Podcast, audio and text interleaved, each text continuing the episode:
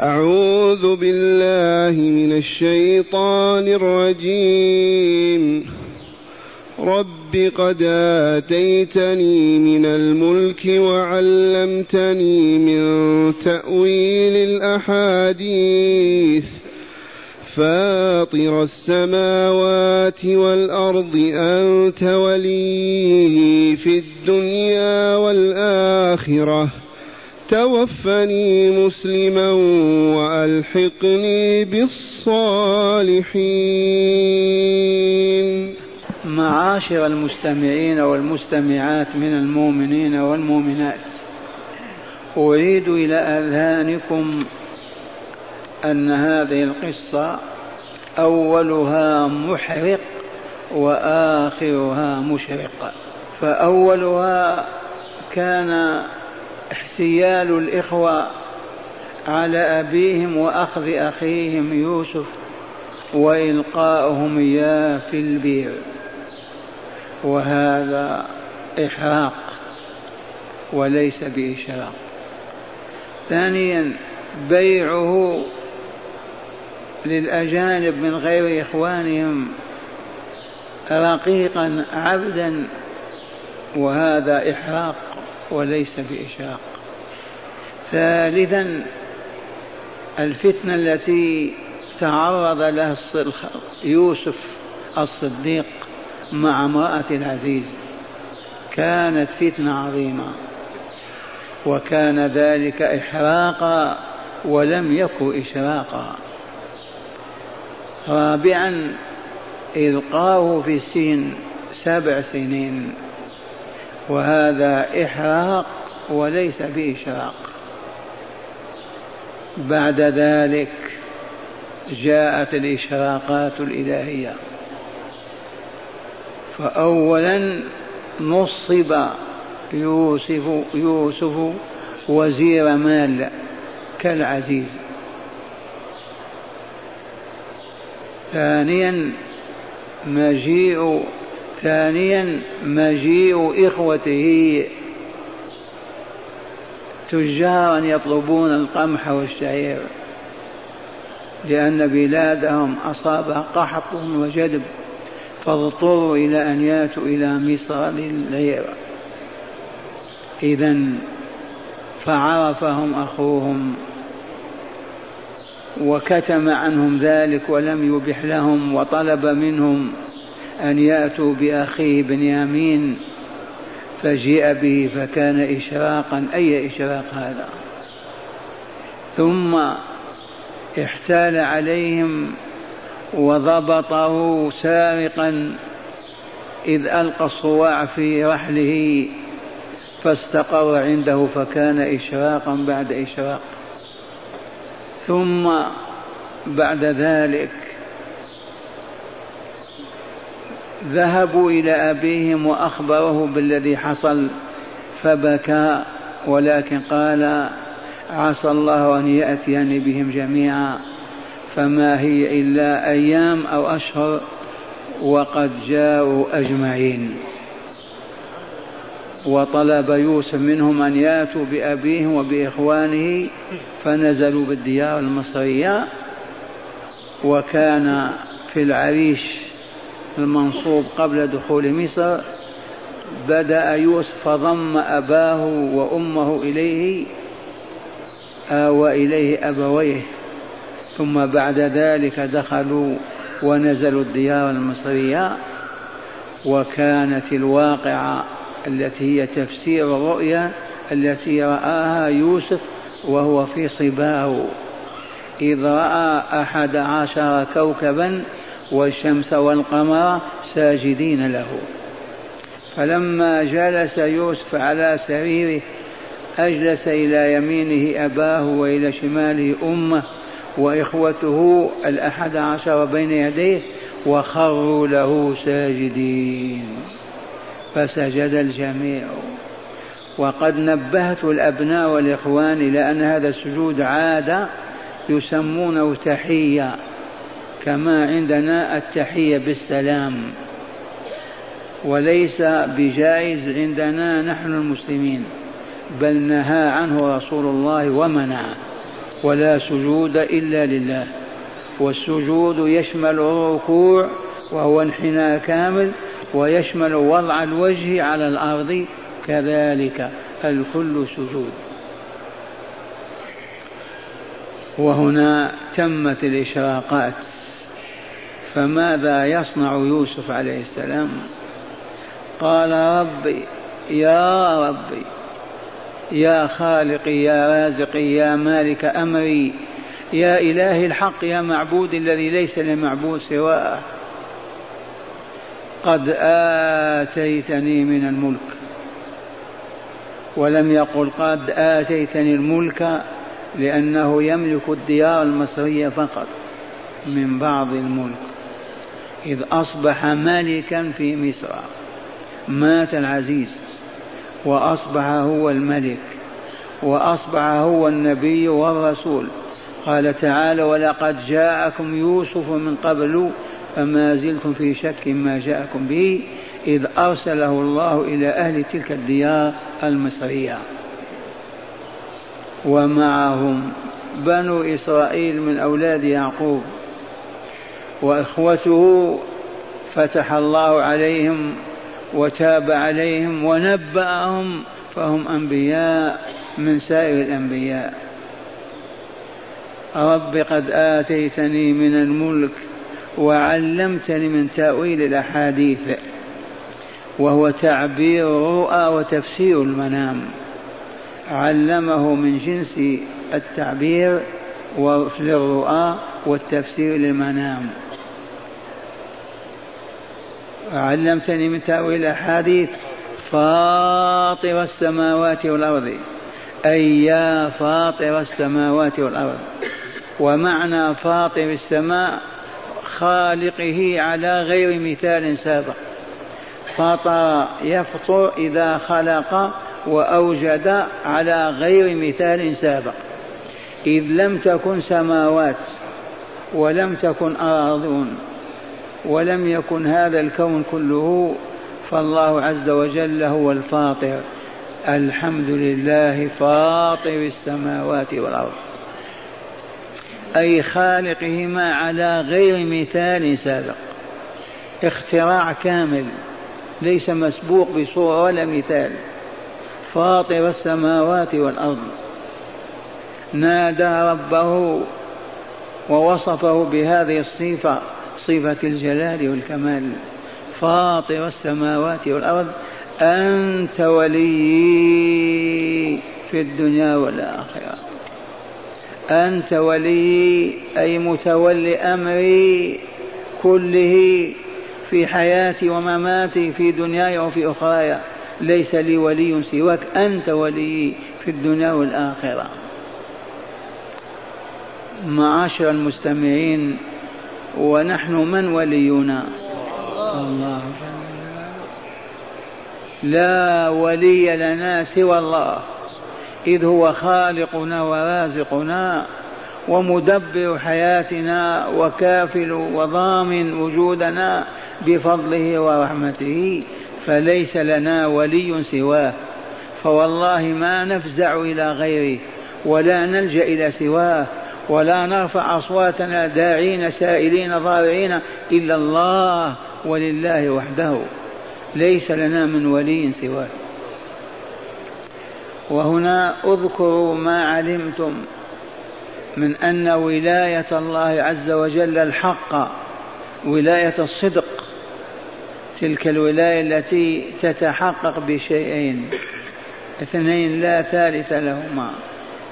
الأول الإيمان الصحيح. ذاك الإيمان الذي إن عرضته على العلماء أقروه وقالوا أنت مؤمن. إن عرضته على الكتاب القرآن الكريم صدق وقال أنت مؤمن. عرضته على هدي الرسول صلى الله عليه وسلم وسننه وتعاليمه فصدقت وقالت أنت مؤمن. ذاك الإيمان هو الشرط الأول. والشرط الثاني لتحقيق الولاية والحصول عليها والظفر بها هو تقوى الله عز وجل.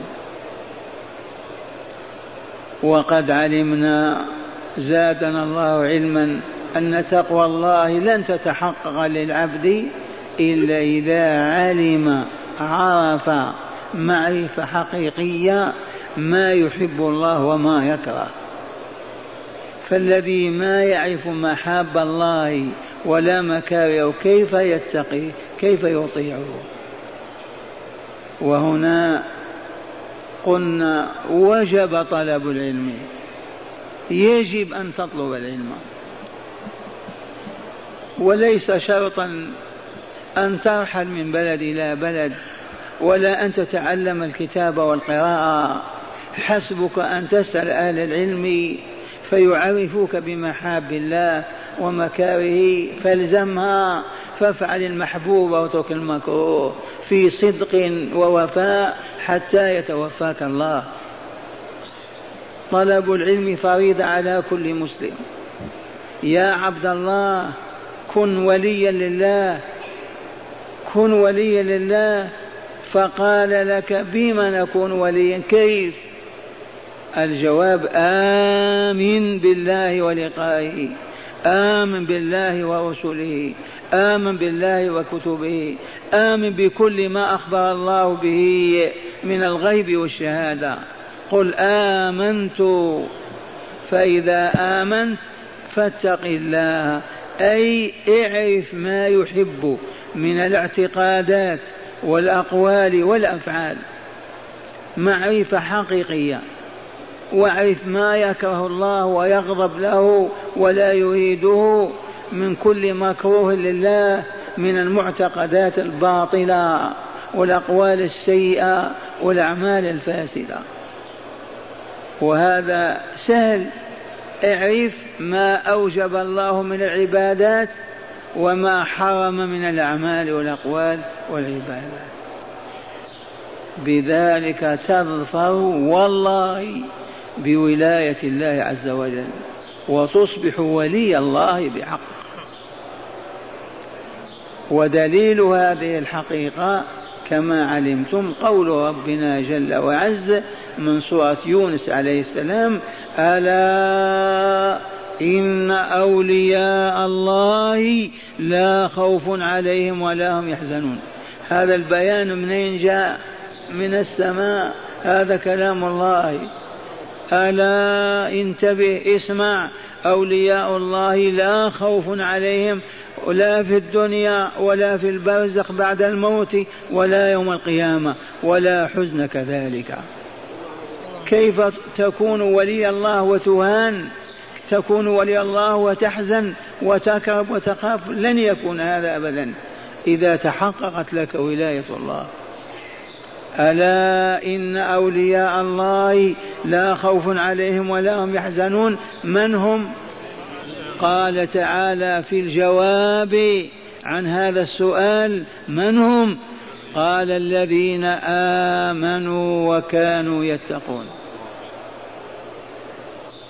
كل مؤمن تقي هو لله ولي كل كافر هو لله عدو.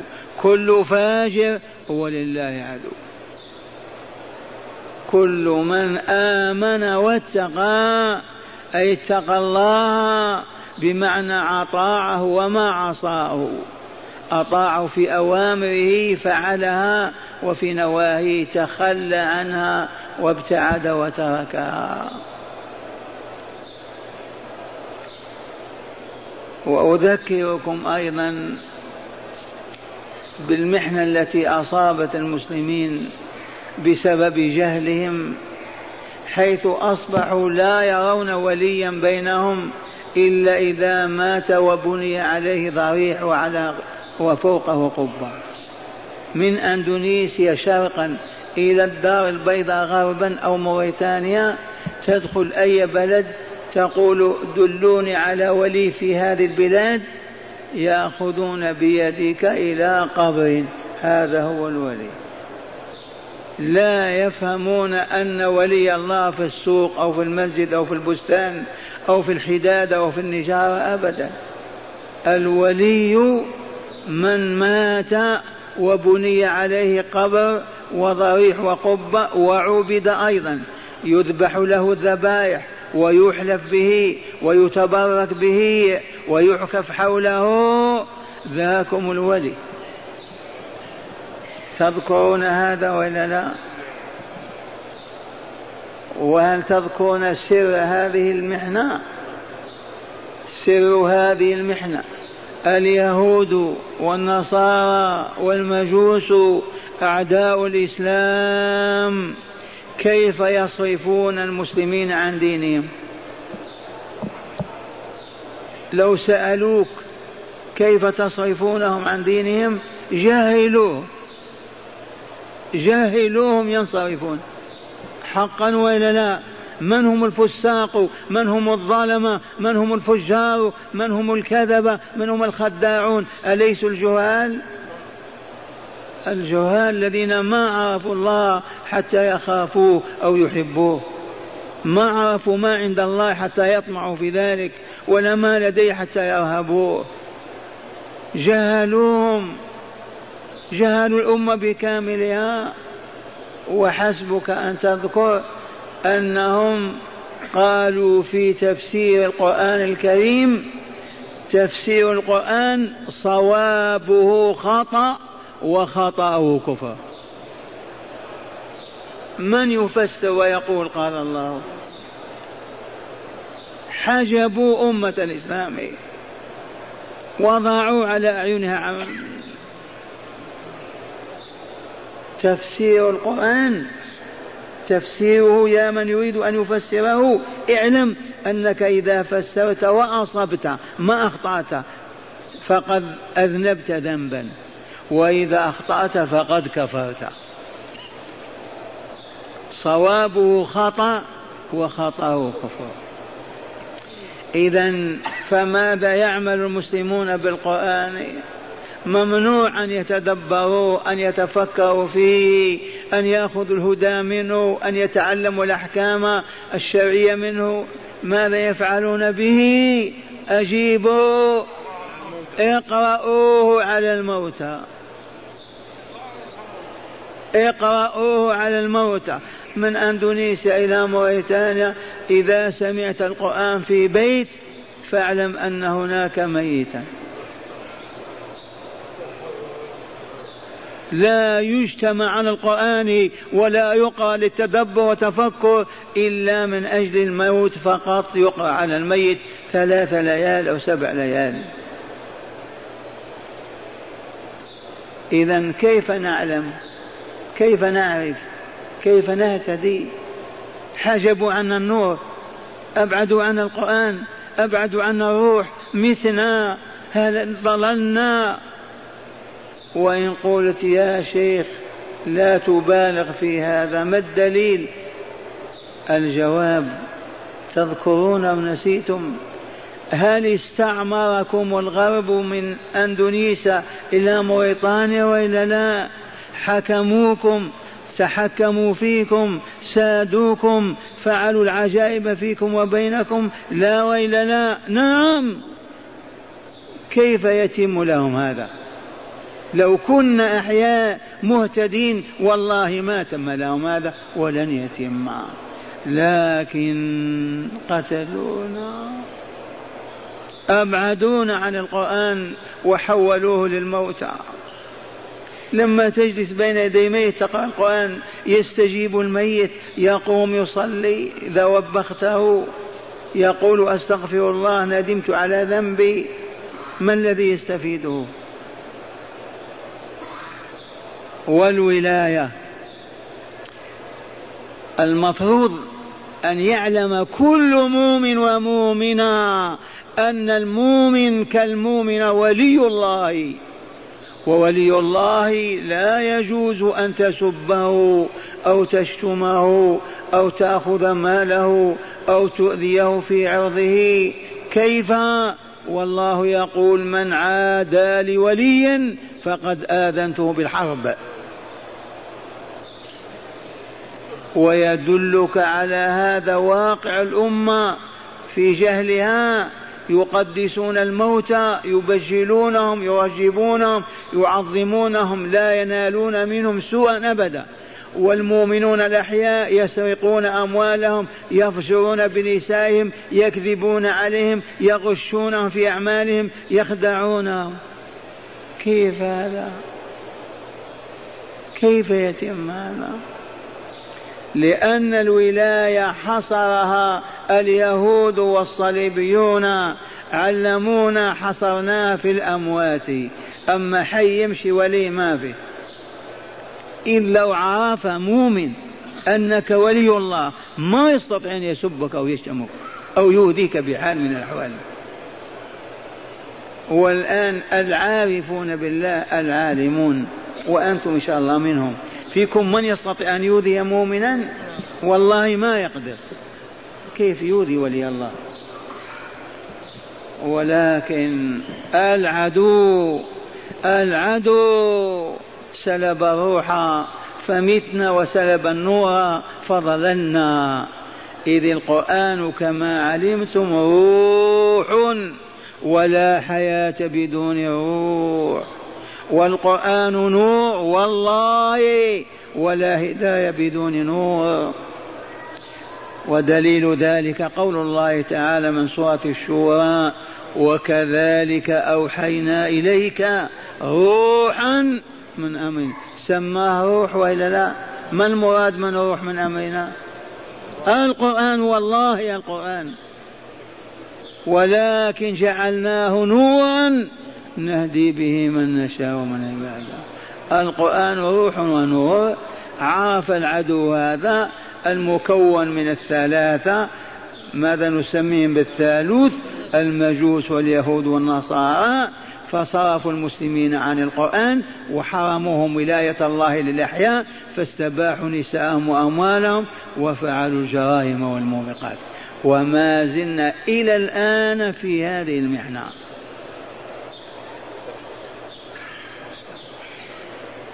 إذا ماذا قال الصديق ابن الصديق؟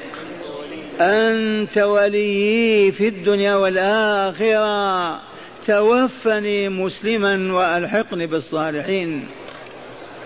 كثيرا ما أقول أيام بدأت الاستقلالات في ديار العرب والمسلمين لأن الله امتحنهم سلبهم الدولة والحكم والسلطان. ورجع من رجع وتاب من تاب إلى الله فأراد أن يمتحنهم مرة أخرى فاستقلوا. إذا استقل الإقليم في العرب والعجم لا يعرفون المساجد للصلاة والذكر والشكر أبدا. لا يعرفون إلا حفلات الرقص والباطل والمنكر. كأنهم ليسوا بالمسلمين. حفلات الاستقلال معروفة قرأناها شاهدناها. ما قالوا كما قال يوسف ربنا قد آتيتنا الملك وسوتنا وحكمتنا وأصبح حاكمين ونخر لك ساجدين. نشكرك ونذكرك بالعكس. الرقص وحفلات المجون هكذا بأعياد الاستقلال. يوسف لما جلس على أريكة الملك وتم كل شيء له كيف فزع إلى الله؟ ربي يا رب قد آتيتني من الملك هذا اعتراف ليشكر ويذكر وعلمتني من تأويل الأحاديث فاطر السماوات والأرض أي يا خالق السماوات والأرض أنت وليي ليس لي ولي سواك في الدنيا والآخرة. توفني مسلما وألحقني بالصالحين. هل هنا تمنى على الله الموت وسأل الله الوفاة؟ اعلموا والعلم ينفع أنه لا يجوز لمؤمن ولا مؤمنة. يصاب بمرض أو يصاب بتعب وإعياء فيكره الحياة ويسأل الله الوفاة. لا يجوز. عرفتم؟ إذا أصابك ضر لا تسألن الله الموت بل اصبر وقول اللهم أحيني ما علمت الحياة خيرا لي وتوفني إذا كانت الوفاة خيرا لي.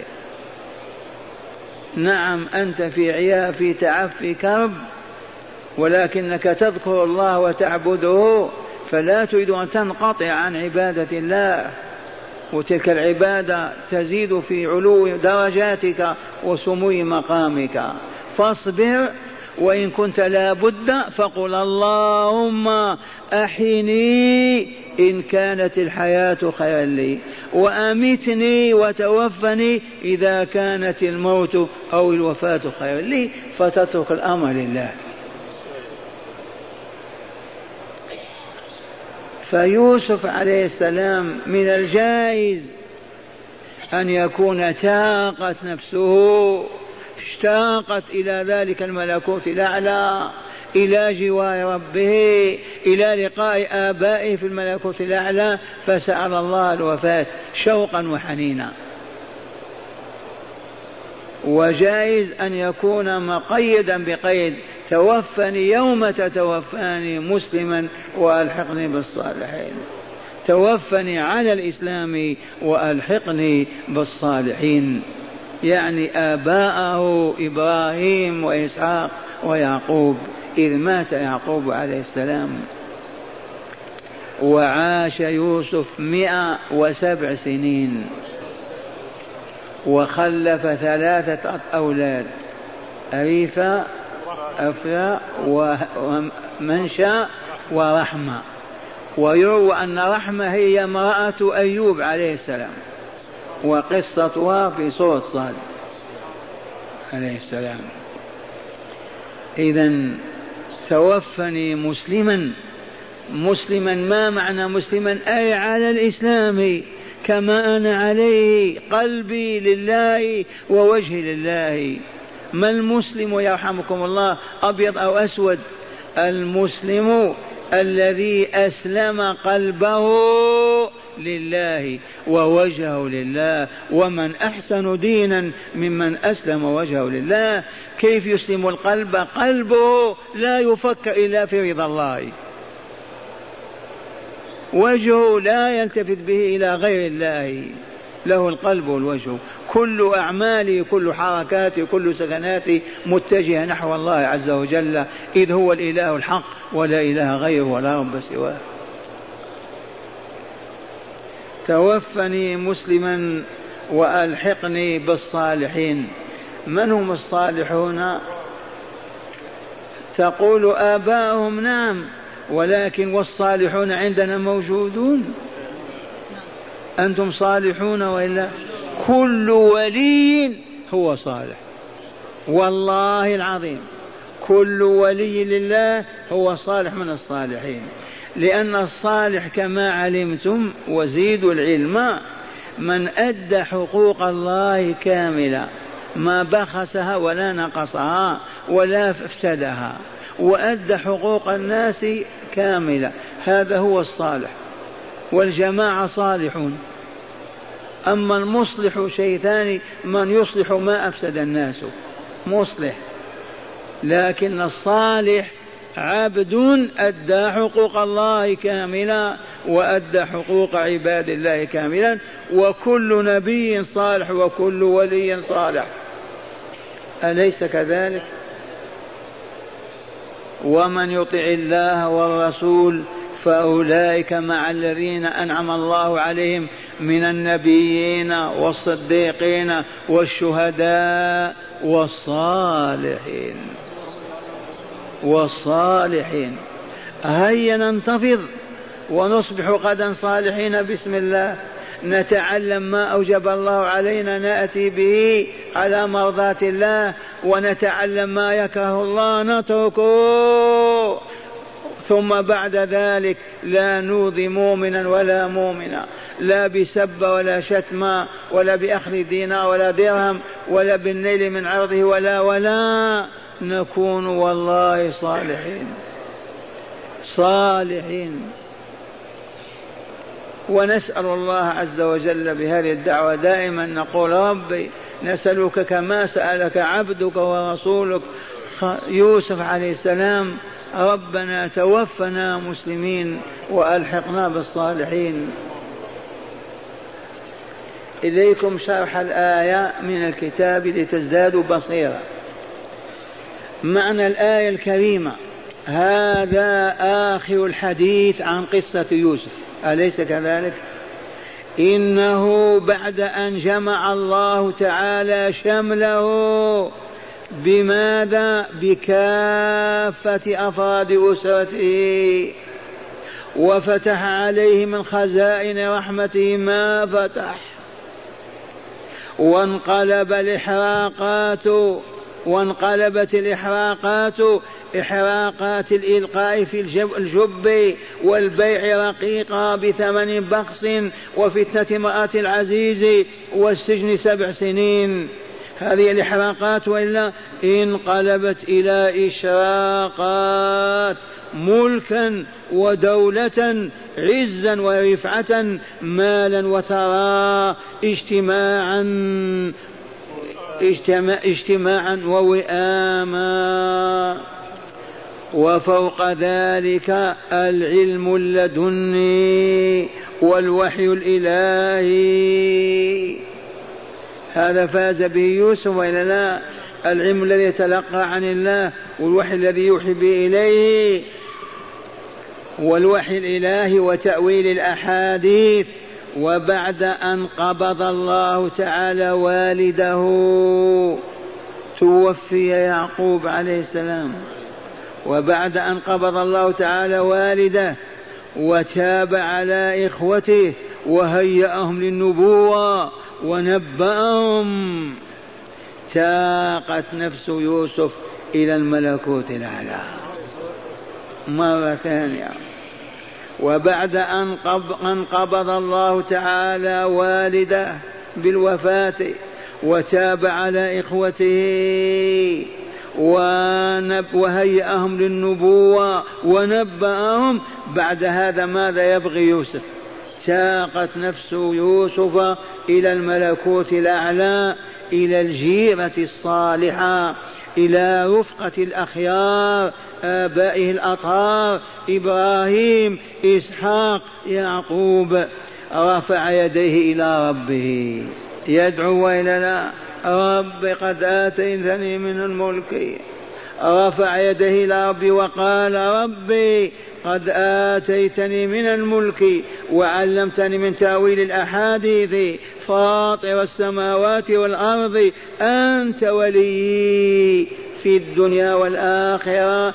توفني مسلما وألحقني بالصالحين. واستجاب الله تعالى دعاءه فلم يلبث إلا قليلا حتى وافاه الأجل. فارتحل والتحق به ماذا بآبائه وصالح إخوانه فسلام عليه وعليهم وعلى كل صالح في الأرض والسماء وسلام على المرسلين والحمد لله رب العالمين. انتهت قصة يوسف. نرجو أن نكون قد استفدنا خيرا كثيرا. الآن مع هداية الآية هداية الآية. هل لكل آية هداية؟ إي والله. من أبسط ما تفهم أن تفهم أن الآية كلام من؟ كلام الله. إذا الله موجود. الآية علم وإلا لا؟ الله عليم حكيم. هذه الآية على من أنزلها الله؟ على محمد. إذا محمد رسول الله فدلت الآية دلالة واضحة. لا إله إلا الله محمد رسول الله وهذا مفتاح الإسلام والدخول فيه. كل آية. كم آية في القرآن الكريم؟ ستة آلاف ومئتين وأربعين آية. كل آية تقرر لا إله إلا الله محمد رسول الله صلى الله عليه وسلم. ولكن كم المسلمون والمؤمنون في العالم؟ واحد إلى ألف.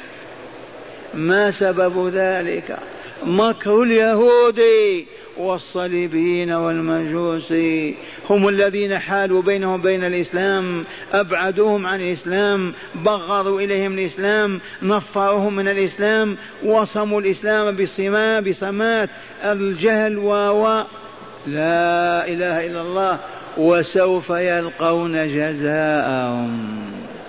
اولا مشروعية دعاء الله تعالى والتوسل إليه بأسمائه وصفاته. هل يجوز دعاء الله وسؤال الحاجة منه؟ إي نعم. هذا يوسف يقول ربي توفني مسلما والحقني بالصالحين. ويجوز التوسل بما توسل يوسف؟ أولا آتيتني من الملك وعلمتني من تأويل الأحاديث. فاطر السماوات أنت ولي في الدنيا توفني مسلم. هذا التوسل وإلا بأسماء الله وصفاته بآلائه بإنعام. ربي أنعمت علي ببصري. أسألك باسمك الأعظم أن تغفر لي وترحمني. ربي أنعمت علي بوجودي في مدينة رسولك. أسألك اللهم أن تفعل بكذا وكذا. توسل الله بأسماء وصفاته. وبالطاعات والعبادات. صل ركعتين واسأل تصدق بريال واسأل اجلس واركع ركعة واسجد واسأل أما التوسل بحق فلان تعرفون هذا؟ اللهم يسألك بحق فلان. الإمام الأعظم أبو حنيفة قال الذي يقول اللهم أسألك بحق فلان كفى. اشرح لنا هذا يا شيخ. بدل تقول يا ربي أعطني من فضلك. يا ربي فرج ما بي من إحسانك يا ربي تقول أعطني بحق فلان عليك. في من له حق على الله؟ أعوذ بالله. أعوذ بالله. قل له ما تعطيني أنت. أعطيني حق فلان عليك. أي كفر أعظم من هذا؟ ومع الأسف هذه الوسيلة الشائعة بين العرب والعجم من أندونيسيا إلى موريتانيا. أسألك بحق فلان وفلان. أقبح ما تكون هذه الوسيلة. أو ما فهمتم. كأنك تقول إن لم تعطني أنت من فضلك وجودك أعطني بحق فلان عليك. هل لفلان حق على الله؟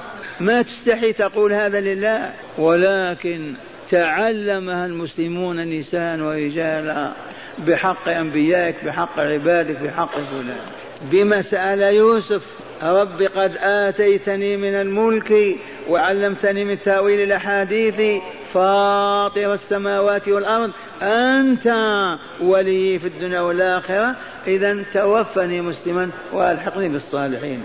ثانيا مشروعية العزوف عن الدنيا والرغبه عنها عند حصولها والتمكن منها. مشروعية العزوف عزف عن شيء ترفع عنه عن الدنيا والرغبة فيها عند حصولها والرغبة عنها عند حصولها والتمكن منها. الحمد لله تزوجت وبنيت المنزل وأنت في خير. اعزف عن الدنيا الآن. ما ترغب فيها ماذا تزيد؟ ربي توفني مسلما وألحقني بالصالحين. لأنها لما تحصل تزيد أنت. يوسف ما فعل هذا. ما قال نضيف إلى ملك مصر ملك الشام وأوروبا. فضل الشوق إلى الله والحنين إلى رفقة الصالحين في الملكوت الأعلى. رابعا مشروعية سؤال الموت إن لم يكن لضر أو ملل من العبادة أو رغبة في الراحة فقط. لحديث لا يسألن أحدكم الموت لضر نزل به وهو صحيح. ولكن أي الحديث ولكن شوقا إلى الله والالتحاق بالصالحين. عزوفا عن هذه الدنيا وشوقا إلى الأخرى إلى دار السلام.